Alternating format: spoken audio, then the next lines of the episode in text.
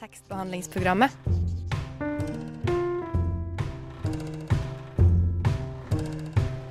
Tekstbehandling på radio.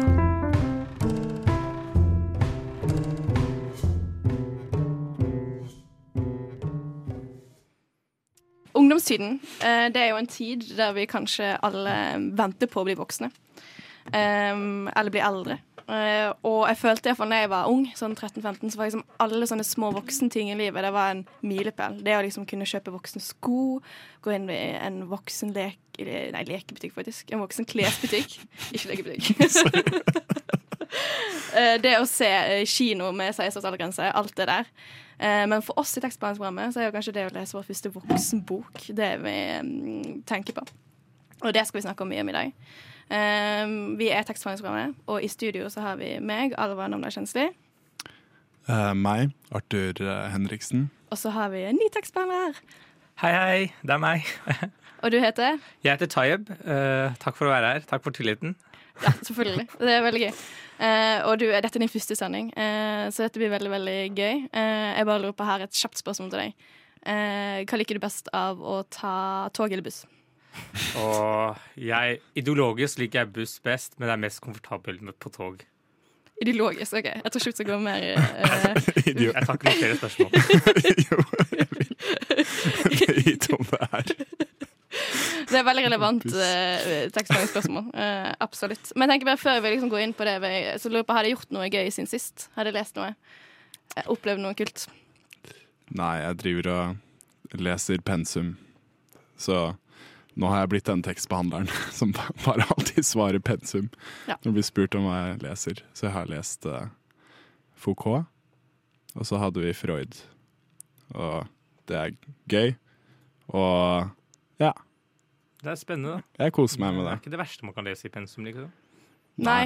Noen mener kanskje det, men jeg syns det er ganske interessant. Så der, ja. Å ja, nå Ja, du er på engelskstudiet, men uh, altså Nå skal vi høre om Ødipus. Det er gøy, syns jeg. Ja, men er det mye filosofi innenfor uh, engelsk uh, litteratur, liksom? ja, det er mye. Det er masse. Så ja, men det, det er et sånn annet fag jeg har, som er uh, literary theory. Og da med alle disse forskjellige perspektivene da, som man skal for å kunne tolke i litteraturen. Mm.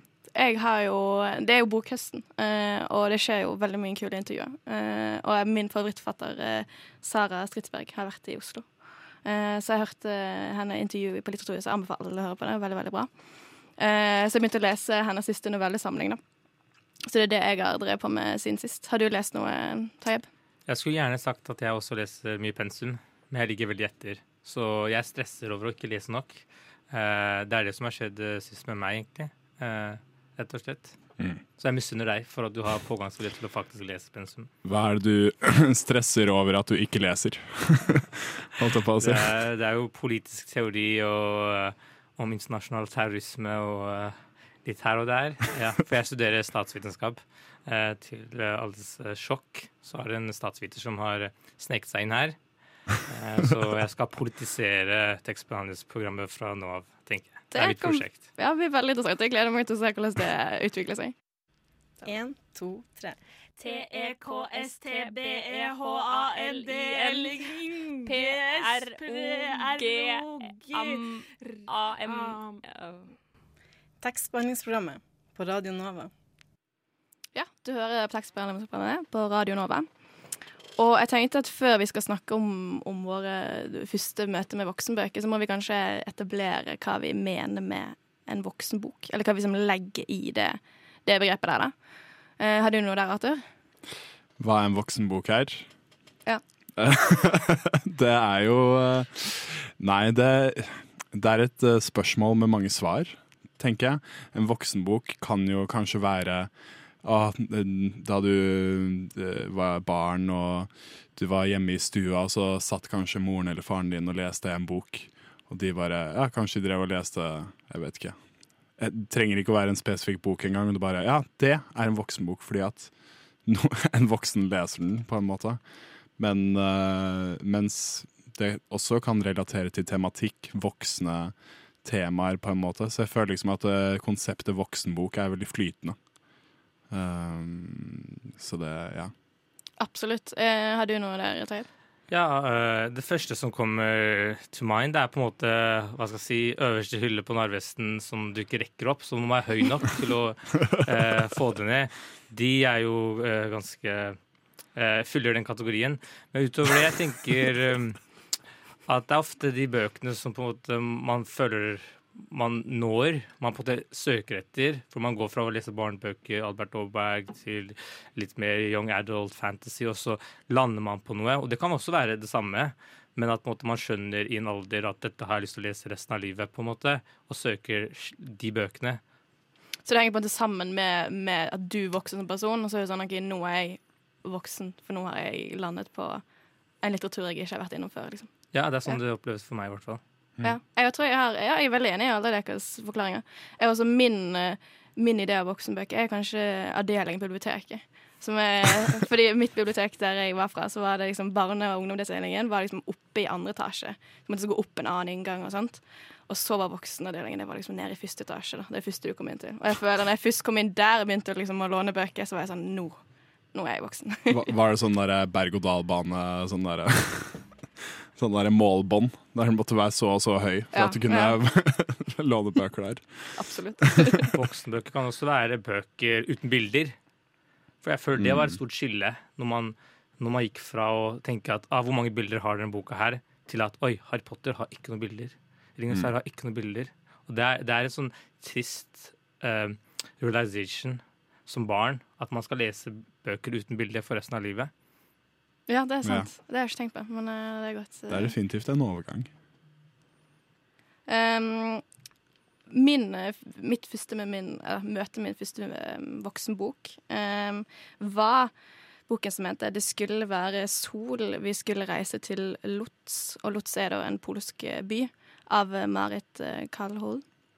Um, og den ble liksom anbefalt av mormoren min, da, for hun er bibliotekar. Eh, I voksenavdelingen på biblioteket. Si. Da må hun ha vært høy. ja, ja, ja. Veldig høy. eh, og det handler på en måte om, om to søstre, eh, og der moren har dødd, og så handler det på en måte om det søsterforholdet mellom de to. Så det var en ganske sånn der, eh, sorg, litt mørk bok. Eh, og skrevet på veldig sånn lyrisk nynorsk eh, språk. Eh, og jeg følte når jeg leste den, at den traff meg sånn Wow, nå er jeg inne i et nytt kapittel i livet. Nå er jeg intellektuell. Eh, nå, nå, leser jeg noe nytt jeg ikke har lest før. Nå handler det ikke om fantasy på en måte lenger. Um, og den følelsen der av å liksom åpne den boken og være sånn Wow, dette, dette, nå er jeg i noe nytt. Um, og så tenkte jeg ok, kan man kanskje prøve å lese den litt uh, igjen nå, da. Så jeg leste den i går, så var jeg sånn hmm, den, jeg har en helt annen visjon om den boken enn den faktisk er. Den er jo en veldig fin bok, men liksom, den er ikke helt sånn Jeg vil kanskje kvalifisere som en ungdomsbok i dag. Så jeg har levd på en løgn. Jeg trodde at jeg Du er ikke voksen ennå? Nei, jeg var også ikke voksen. Jeg bare var inne i en eh, litt mørkere fase av ungdomsbøker, egentlig. Ja, jeg bare sånn, tenker sånn, Siden du snakker om at det var litt sånn tematikken av det er død og det er liksom familiære ting. Sånn hva, eh, Er det eh, eh, perspektivet ditt på den? Kanskje liksom den første voksenboka di er sånn Oi, det her er noe som rører ved liksom litt mer voksne følelser, eller liksom noe mer sånn ekte på et litt sånn dypere nivå enn bare sånn Jeg har lyst på Eller eh, det her er et eventyr, på en måte. Mer sånn der at det skildrer dine egne følelser, på en måte. Ja, og det kan jo godt henge sammen med det vi Tayyab snakket om i begynnelsen, at det henger sammen med liksom ditt, din utvikling. Um, og så føler jeg jo Jeg vet ikke om det her er en veldig sånn der uh, subjektiv følelse, men jeg føler at ungdommer i dag er kanskje Jeg mener at de går liksom mye mer inn ja, here we go. TikTok-ungene.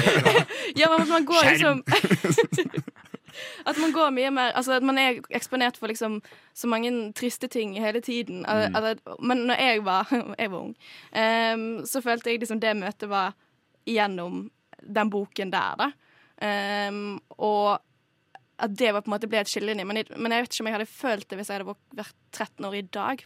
Og jeg tror ikke det hadde føltes som en voksenbok for meg i dag. Så du leste når du var 13 år? Ja. Eller? Oi, ja. Ja. Du ble voksen tidlig? Ja, ja.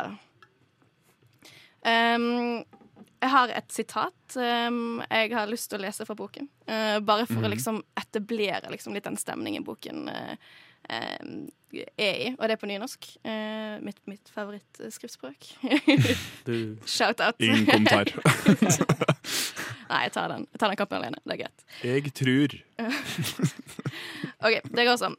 Um, fordi jeg også bare forklare liksom, Fugler er en veldig viktig um, metafor i denne boken. her um, Og fuglene blir liksom metaforen på søsteren som på en måte aldri er der, og jeg tror det er noen rusproblemer inni der. Og alt det Og sitatet er Fuglene er kommet hjem.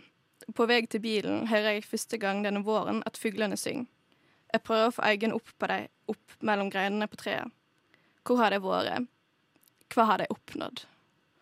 Tenk å lese når man er 13 år. Det føler, da er man liksom ja, ja, men du kjenner litt sånn Jeg får sjelden jeg fryser nå. Ja. Hva fuglen? ja. Eh, så det er kanskje litt eh, språket der også. Men eh, Det var pent språk. nynorsk. Mm. Absolutt. Men så, ja, som jeg snakket med, deg, er kanskje litt sånn opphausa i ettertid, den følelsen av en voksen, voksen bok. Eh, men vi skal jo snakke mer om eh, deres andre møte med voksenbøker. Men før det så skal vi høre en sang. What? Radio Nova. På tide å skru på tekstbehandlingsprogrammet. Yndlingssykkelen de siste seks-sju månedene er en enhjulssykkel. Vi har Marie Eibert på besøk. Jeg og Eline. Marie og Bær. Marie og Bær. Jeg tenker alltid at en T slutter med ø, h, h, h, h, utropstegn, utropstegn. Det er bare tekstbehandlingsprogrammet. Nei, det var ikke så mye å si. Jeg mener at det er mye å se. Eh, Du hører på tekst Eller hører, det er vel det rette.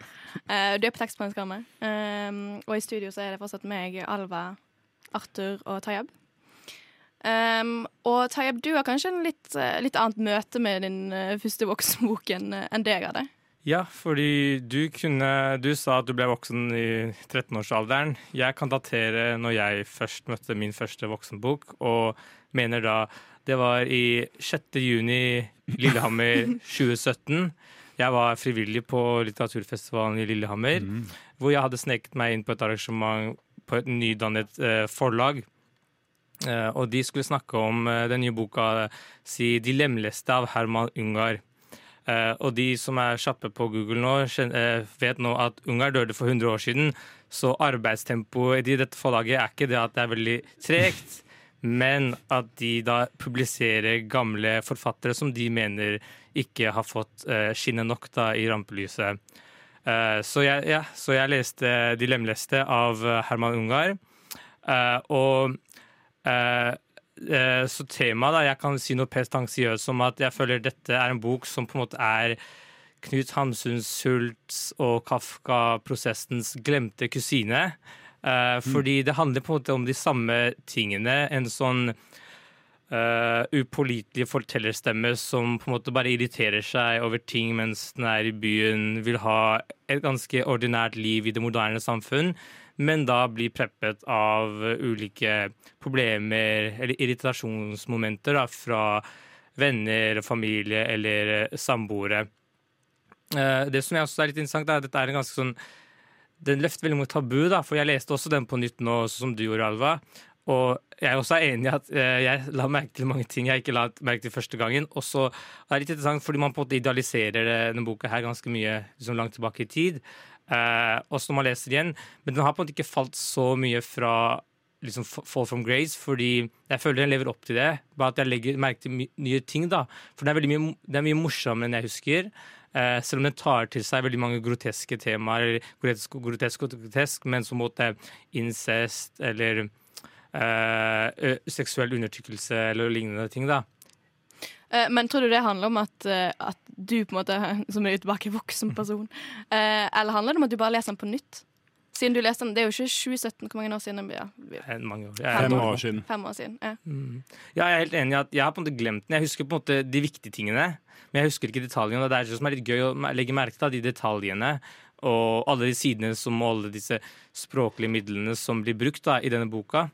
Uh, Syns jeg er uh, gøy. Og nå skal jeg gi en liten sånn recap da, av hva den egentlig handler om. med lite, lite sitat, da, lite utsnitt fra boka. Så vi følger Frans Polser, eh, som en jeg-person, men det, det, er fortalt i en, tredje, eh, en.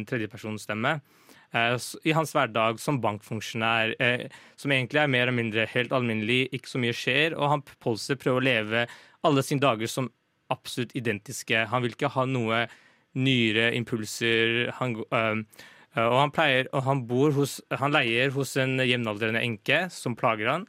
Han har en invalid, bitter barndomsvenn som plager han. Og med plager mener de at han får stadig forstyrrelser da, i den monotone hverdagen han lever. Nå skal jeg lese et lite utdrag. Eh, etter aftenmaten leste han avisen grundig en, grundig en, en timers tid. Så gikk han til sengs. Han sov urolig, men drømte sjelden. Hvis han drømte, drømte han om at han hadde glemt initialene sine, eh, at hånda hans var lammet, eller at blyantene ikke ville skrive. Om morgenen sto han opp som alle andre morgener og begynte dagen sin, som forløp seg som alle andre dager. Han var gretten og mutt, men han ble aldri bevisst på å gjøre han ble aldri bevisst at det også finnes noe annet å gjøre enn å sitte hver dag på plassen sin i banken, at han kunne stå opp senere, rusle rundt i gatene, spise to eggglass i en kafé til frokost, spise godt på en restaurant til lunsj. Av avbrytelser av denne tralten hadde eh, Polser særlig merket seg igjen. Det var da hans far døde. Så hva tenker dere? Nei, jeg, tenk, jeg lurer liksom på da du snakka om det der med at han har alle de uh, forskjellige irritasjonsmomentene i livet sitt, sånn, uh, sånn som den derre in invalide barndomsvennen hans, eller uh, ja, en annen irriterende mm. person. Yeah. Er det liksom sånn Tolker du det som metaforisk, og at det liksom er bare et menneske som på en måte prøver å uh, bare leve livet sitt uten særlig påvirkning fra samfunnet, på en måte. At det er liksom metaforisk at de menneskene på en måte er samfunns... Uh, hva kan man si?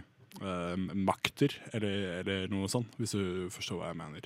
Eller er det bare veldig sånn Ja, tar det et face value, på en måte. Det er interessant du sier, fordi jeg føler første gang jeg leste den, og jeg føler som veldig mange veldig ofte da, når folk møter sånne tungvektere fra 20-tallet, som er på en måte veldig sånn fremmedgjøring og har sånne temaer sånn som Dostojevskij og sånt, uh, og Hamsun og Kafka, så er det ofte at man tenker da ofte at disse er det, er en ren, skjær samfunnskritikk, og at uh, man kan liksom ikke lese boka eller man vet hva det handler om. Men det er det jeg vil trekke fram, for når jeg har lest andre gangen, så føler jeg at jeg relaterer så mye til vedkommende fordi fordi man, må, fordi man blir redd da, av å lese som tungvektere fordi man må forstå liksom 20-tallets eh, politiske sammensetning mhm. og uro og sånt. og alt det her, Men handlingen består veldig mye bare i en rekke irritasjonsmomenter da, på snor, og, hen, og som hender, uh, hender hovedpersonen. Og jeg føler det er derfor det er en voksenbok. fordi som voksen så opplever du en rekke irritasjonsmomenter uh, på en snor og Derfor kan jeg relatere til det. og Det er, jeg, jeg, vanskelig å break to you, men det er det som er å vokse opp og irritere deg over ting. Så det er derfor jeg vil Jo, ja, men det, du har godt poeng. Det er sant. Eh, så liksom det du liksom, dette er din voksenbok fordi at du kjenner deg igjen i hovedkarakteren? Er det liksom det som gjør det, eller er det noe annet? Språk, fortellingmåten, eller hva? Ja, for det er, det er, det også. Det er litt sånn uh, kjipt å innrømme, for det handler om veldig mye hva skal jeg si, Temaene er jo misbruk og seksuell undertrykkelse og selvforakt og skam og alle disse tingene her. Uh, så det er litt irriterende å innrømme det. Jeg er voksen. Uh, det her er meg. Men det som også jeg liker, er at den, den kutter ned alt til det som vi husker På skolen så lærte vi om denne eh, Når man skriver en fortelling, så skriver man skjelettet først, og så, og så, krydrer man med kjøttet og bla, bla, bla. At man legger på beskrivelser, man skildrer og man beskriver fortellinger, da, hvis man skal selv skrive. Men litteratur som det her, da, det tar det helt til det basiske. Hvis du skal gå til kafé, så er det bare Der var de på kafeen. Han skal til banken, der var han på banken. Det høres banken. veldig monotont ut. Er, sånn, og, ja. Men når man leser det i en sånn en ramse da, som en sånn stream of consciousness, så er jeg, jeg, jeg, føler jeg får veldig mye igjen. Fordi man tar bort alt det unødvendige. Man tar bort alle beskrivelsene. Man går inn i mennesket da. Mm. Og hva vedkommende tenker. Om det faktisk er sant, det vedkommende tenker. Er han bare paranoid og lignende, da? Og jeg, det er det som virkelig tiltrekker meg da, ved sånne bøker. da, At man har ikke sånne lange beskrivelser av hvordan morgensola traff gardinene når man våkner. Man våkner fordi man er sliten når man skal på jobb. Ferdig. Punktum. Så du kunne på en måte ikke Du kunne ikke lest denne boken her tidligere? Det var liksom akkurat rett tid å lese den? For det Ja. ja, fordi for meg så var det faktisk en brytningspunkt, og det, um, det sa jeg tidligere, da. At, eh, at uh, jeg leste mye fantasy og veldig mye sånn skildrende bøker, og etter det så på en måte fant jeg at uh, Kanskje jeg også vokste opp, da. Litt, uh, ble eldre, ble voksen, og begynte å bli glad i sånne bøker istedenfor. Mm. Det er veldig interessant. Eh, vi skal snakke videre om eh, voksenbøker. Eh, slapp av. Vi skal først høre en sang. Siri, Jeg er din ja. assistent. hører du på tekstbehandlingsprogrammet? Selvsagt. Gjør som Siri. Hør på tekstbehandlingsprogrammet.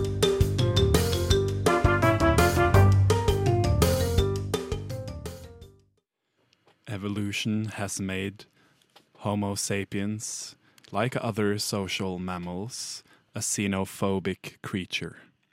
Sapiens instinctively divide humanity into two parts we and they.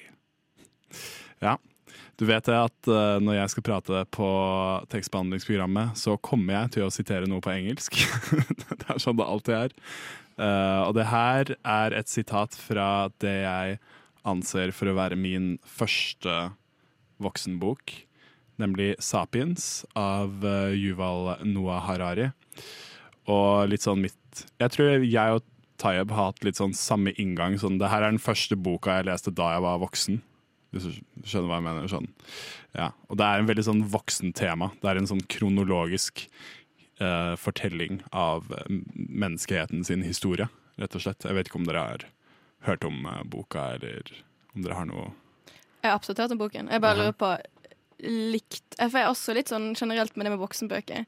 Jeg føler, Nå har vi snakket om eh, Likte du den? Eh, Sapiens? Ja. Ja, jeg elska den. Ja. Mm, jeg syns den var kjempebra.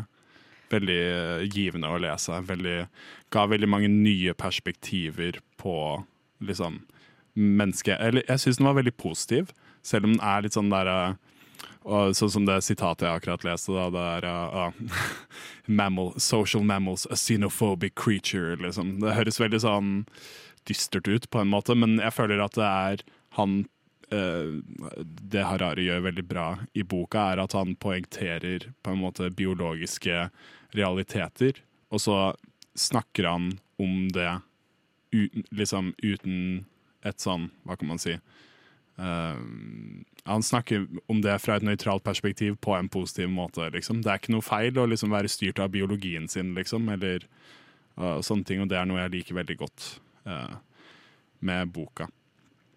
Um, men ja. Altså bare litt på, fordi det er jo møte med som din første voksenbok. Um, hvorfor valgte du den? Eller hva, hva er liksom hva er liksom skjæringspunktet der? Hva var Ja. det på forhånd? Hva er denne her liksom skillet ditt? Før den, det, er litt sånn, det er litt sånn komisk, for at jeg var egentlig ikke noen leser i det hele tatt. Så denne boka her leste jeg Kontroversielt å si på det programmet her. Ja, nei, men det er min. Det er det ja, det stemmer. Jeg er eh, Ja. Det går litt sånn i bølger. Men jeg var, veldig, jeg var en veldig ivrig leser da jeg var yngre, så jeg vurderte jo liksom å være sånn Ja, jeg har jo lest voksenbøker før jeg var voksen, sånn som 'Snømannen', for eksempel, og 'Panserhjerte' av Jo Nesbø. Eh, Men eh, grunnen til at jeg valgte den her som min første voksenbok, var at det var den første boka jeg leste i voksen alder. Um, og det var et ganske sånn stort gap imellom sånn eh, liksom Fra da jeg var sånn 12-13 til eh, tidspunktet jeg leste den boka her, som var i 2018. Da jeg egentlig ikke leste Så i du, det hele tatt. Bortsett fra sånn på skolen og sånn. så du og Tayep har kanskje litt samme, samme følelse? Sånn Ja, på en måte. Fordi, eller assosiasjoner jeg først får av boka, det er jo kanskje, man skal, kanskje farget av at hvem som leser de bøkene. Jeg føler Mhm. det er sånn du går på et møte hvor det er startup og folk skal lage en ny app for den som skal revolusjonere teknologien, og neste Elon Musk, og de snakker om Sapiens. Og har du lest Sapiens? Ja, og så sier de det der at uh, folk er egentlig xenofober, Ja. og man må, man må tillate rase, raseskiller i samfunnet. Men jeg, jeg er også enig i at jeg også har vendt meg mer mot litt mer faglitteratur. Sånn, i- Ikke nødvendigvis populærkultur, men litt mer sånn i den filosofidelen. da, At når filosofi blir tilgjengelig, da, som for ikke-filosofer sånn som meg, tror det ikke jeg, jeg er ikke filosof um, at, at, at sånne Det er veldig vanskelig å tro. At, um, ja, jeg vet det. Jeg har, jeg har viben. Ja. Men um, uh, at, at i en sånn man, Jeg har liksom fordi man føler at Kanskje det handler litt om tiden man bruker også på å lese store bøker. Da. At jeg kan ikke kaste bort flere timer i uka på å lese en fiksjonshistorie, og at folk skal kaste en ring i en, eh, i en lava. Eh, selv om det sikkert er en bra bok, og at man må kanskje få igjen noe. Og Det er det som er det store spørsmålet. Da føler du at du har lært noe av den som du har- med i livet ditt? Uh, ja. Jeg føler liksom at den uh, Jeg føler at mye av de perspektivene eh, jeg hadde på menneskeheten, på en måte ble konkretisert og forklart på en uh, intelligent måte i boka. Um, og jeg føler liksom at det sitatet jeg starta med også, om xenofobi og sånn Jeg føler ikke at han tilegner noen negativ verdi til det. Han bare liksom Altså hvis du bare gjør en hva kan man si, en vitenskapelig analyse av uh, menneskers oppførsel, så ser du på en måte at det er en eh, Altså, og liksom fordømmelse, for eksempel, er en egenskap mennesker har, da. Så han ser liksom veldig sånn kronologisk på helt fra før jordbruket og landbruket til der vi er nå, og prøver å liksom bare uh, kategorisere og uh, forstå. Um, og ja, jeg føler jeg har mye kunnskap som Eller liksom et litt annet perspektiv på ting. Kanskje, vi egentlig, kanskje mennesker egentlig ikke er så onde. Kanskje vi er litt mer styrt av ting vi egentlig ikke har kontroll over. Kanskje på en måte vi Det kommer til å gå bra med oss. Anbefaler du alle å lese den? Sånn alle verdensledere og alt sånt. Hvis det var en bok, ville du anbefalt den bare for at man skulle få mer forståelse av seg selv? Og tror du Putin burde også lese den boka? Nei, jeg tror jeg hadde sagt at Putin skulle lese Ole Brumm, eller noe sånt. Så, Ikke ja. voksenbok, altså. Gå rett. Ja, ja, han ja. Eh, Men ja, kanskje det, eller eh, Ja, nei, kanskje eh, Crime and Punishment. Den burde han kanskje lest. Den tror jeg Ja. Sannsynlig for at han har lest den. Den Ja. tror jeg òg. Ja.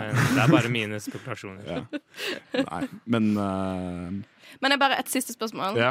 Um, er det en bok du måtte, vil anbefale noen som er på vei inn i voksenlivet å lese?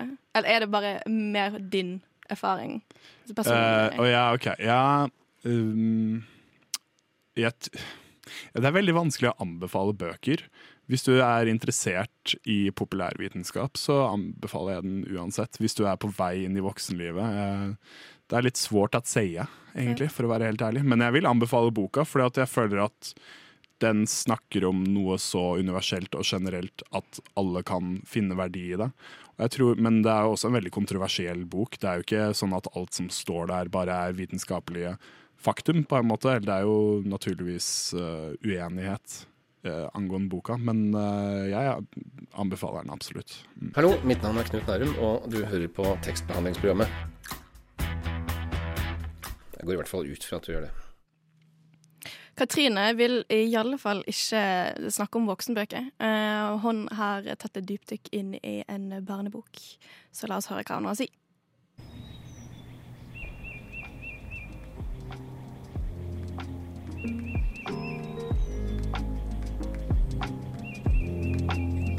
Hei, Katrine her. Jeg beklager, men jeg vil nytte alt dette voksenboksnakket til å slå et slag for barneboka. Og med ett mener jeg ett en bok. For nå. Jeg leste, eller lyttet til, 'Sommeren alt skjedde', ei bok retta mot mellomtrinnet i sommer.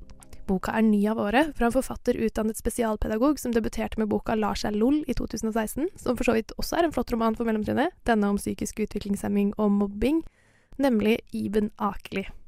Jo da, hun er også skuespiller. Sommeren alt skjedde er Noras sommer.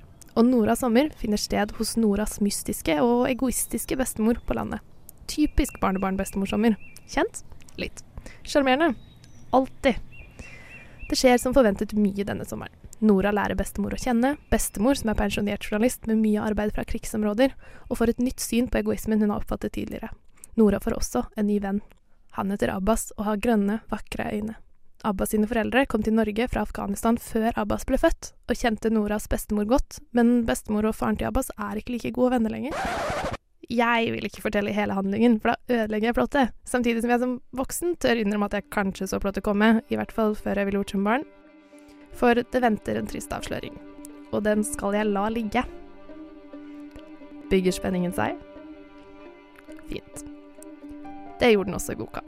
Men nå snakker jeg om en annen spenning, nemlig den mellom Nora og Abbas.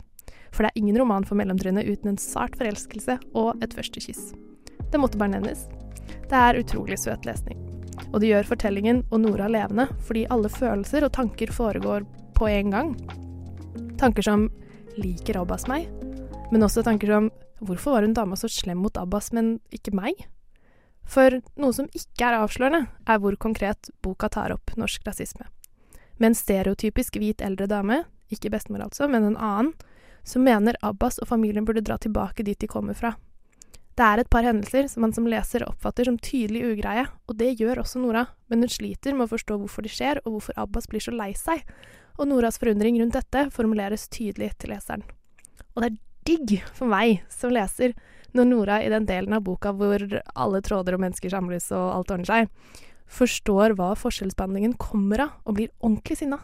Både av at det i det hele tatt skjer, men også spesielt av at hun selv var så blind for det, og heller ikke sto opp for Abbas. For det hun innser, er at det var noe som ville kostet henne lite, men som for Abbas ville kostet mye, og var noe han ikke maktet eller ønsket å risikere. Boka er smidig, men tydelig her, og jeg unner alle barn å oppleve denne sommeren og lære sammen med Nora. At barn også får mulighet til å få et språk for hva de opplever og ser mennesker oppleve, er viktig. Og det beste er jo at boka i aller største grad er leseverdig, også uavhengig av sin snikdidaktiske natur.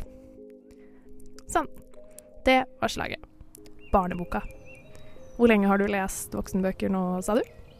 Det er aldri for sent å snu.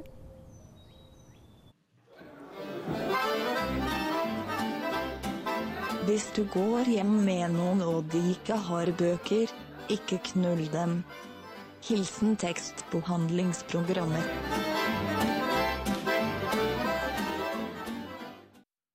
Ja, du hører på tekstbehandlingsprogrammet. Det er fortsatt meg, Alva Arthur Tayeb i studio, bare så det er etablert. Men eh, vi begynner å bli litt ferdig med voksenbøker. Eller vi begynner ikke å bli ferdig med det, men eh, ikke å lese det, håper jeg. Jeg er ferdig med det. Ja, ok. nå er det Ole bare Brumm. Eh, For nå skal du gå inn på noe helt eh, nytt, og du har en eh, ny, ny idé, Tayeb. Ja, jeg skal jeg har fått lov til å få scenen. Der, er der liker meg best. Så jeg skal eh, test, eh, testpilot for en ny spalte, tenker jeg. Som skal forhåpentlig, forhåpentligvis bli en kjent inventar her. Men vi får prøve. Så ide, ideen er at jeg skal prøve meg på en nytolkning av en kjent historie som forhåpentligvis alle som følger med på populærkultur eller har gått på eh, har grunnskole, eh, norsk grunnskole, vil kjenne igjen. Men jeg har spisa det opp litt, eh, blanda litt, og forhåpentligvis Og jeg tar ikke ansvar for hvis jeg har hvis jeg tar, eh, har misforstått eh, originalbudskapet i, eh, i fortellingen. Tar du ikke ansvar for det? Ja. Eh, eh, så nå starter vi. Jeg, har, jeg skal sette på forteller, fortellerkappen min. Så da starter vi. Så vi følger en jente som motvillig blir med i et realityshow. Dette konseptet er ikke likt noe vi har sett maken til. Eh, Men på en annen side, det er veldig likt det vi kjenner til på, eh, kjenner til på TV i dag. Dette er Mats Hansens våte drøm. Det er litt Paradise, det er litt Farmen, det er litt Maskorama. Vår protagonist er fra bygda, så mildt sagt er får hun et kultursjokk. Eh, vi har en som allerede vet hva det er, men skal du si det? Jeg er veldig usikker. Du er usikker? Ja. Ok, jeg holder den litt Hold til. den, hold den, hold den. Eh, Jeg tror det er best jeg leser ferdig, så tar vi det da. Uh, vår protagonist er fra bygda, eh, som mildt sagt får en kultursjokk når hun kommer til Når hun blir, for, når hun blir fortalt at hun skal til Oslo. Etter en utfattelig lang togtur får hun sitt første møte med rulletrapper og elbiler i hovedstaden. Hun føler seg fremmedgjort i byen, og det kommer veldig på uttrykk på skjermen når hun skal på scenen, når hun skal være reality-deltaker. Hvordan, hvordan kan tenker hun hovedstaden overkjøre distriktene for hun se hovedstadens arroganse, kan man kalle det. Med livet blir alt annet lett i hovedstaden. Uh, men nå er det noen S opp i ermet fra uh, tiden på landet. Men før hun trer inn i reality-bobla, hvor uh, før hun får fullt tre i reality-bobla, må hun skaffe seg sponsoravtaler. For når, når man er inne i bobla, er det ingenting som hjelper mer enn spons. Det vet vel alle, se, uansett reality. Så hun får en tidlig deltaker med på laget, faktisk fra samme område som hun selv. Og de skal preppe, lage et brand og selge henne til følgere og spons. Bang! Altså, det. Al Alva sitter her og bare 'Jeg vet hva det her er!' Jeg vet hva det her er Jeg sitter her og bare 'Hva faen er det her?' Er det Huck Finn? Det er gøy. Eller hva Er det greia? Det er gøy, da. Ja, okay, jeg, jeg har ingen anelse. Men skal jeg gi noe tipp, da? Hvis, hvis Arthur Ja, ikke vet det, ok, så jeg, kan jeg håper jeg vet det, da. Det er veldig Så, pinlig hvis ja, ikke jeg har noe feil. mer. Jeg har Du, noe du mer. kan bare si det, da. Du Nei, har nei, jo sittet her og bare Så dette, Ja. dette, denne, realityen, denne realityen sendes på Statskanalen overalt i alle knik, eh, kriker og hjørner i samfunnet. Og alle er hekta, for det har gått uavbrudd i sånn 70 år. Kom igjen. Og så er det sånn big reveal, hvor alle deltakerne presteres på gala. Og vår hovedkarakter er i fyr og flammer. Nå, ikke det der. Ja, den Skal du siste si det- der. skal du si det, Alva? Ja, The Hunger Games. Ja, men Det er Hunger Games. Å ja, så klart. Ja, Så men fordi altså, du ikke vet fy Hunger Games faen. er? Hunger Games. Det er jo ikke en voksenbok engang. Nei, jeg vet det. Velkommen her på hvor- når du blir voksen. Fantastisk. Ja, Takk, takk. Ja, supert. Hvordan rater dere egentlig fortellingen og sånt? Veldig gøy. Jeg er veldig gøy at jeg klarte det så tidlig. Jeg veldig, Takk for meg. Ja. Takk til meg. Ja, Eh, veldig stolt over meg sjøl. Men veldig, veldig gøy. Men Er det fordi du er fra bygda, eller fordi du er jente? Oi! Begge deler. For hun er en sterk karakter. Ja. Er en sterk karakter. Jeg tror det er fordi at Alva faktisk hadde Lest den. Ja, nei, eller faktisk uh, hadde vært sånn der I will tears tribute! Ja, tror Ja. du det? Eh, Jeg har den ja, ja, du har den energien Oi, litt. det er tidenes kompliment. Det tar jeg med meg videre Ja. ja, i, i dag. Nei. Absolutt. Men veldig gøy konsept. Veldig, veldig gøy. Jeg synes det var, ja, det med reality så var jeg sånn Shit, ok, kanskje det er noe annet. Uh, men eh, ja, du fikk meg litt av pinnen der. Men uh, det, det gikk uh, ja, veldig gøy. Eh, Dette håper jeg blir videre med. Du lytter til Radio Nova. You have bewitched me, body and soul, and I love, I love, I love. Tekstbehandlingsprogrammet på Radio Nova. Ja, det håper jeg du elsker. Og nå går vi dessverre mot, eh, mot slutten. Eh, det har vært en veldig gøy sending for meg, i hvert fall. Eh, om, om voksenbøker. Og jeg, likte, jeg ble veldig gira på siste jeg, eller siste innslag. Det ble, må jeg si. Eh, men hvis man vil høre mer av tekstbehandlingsprogrammet, hvor kan man gjøre det? Podkast der du hører podkast, eh, på radionova.no. Eh, fra 10 til 11. Ja, live. Gjør det. Absolutt.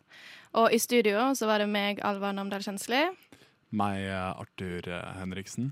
Og Taib Ahmad. Og som tekniker har vi Katrine Mosvold.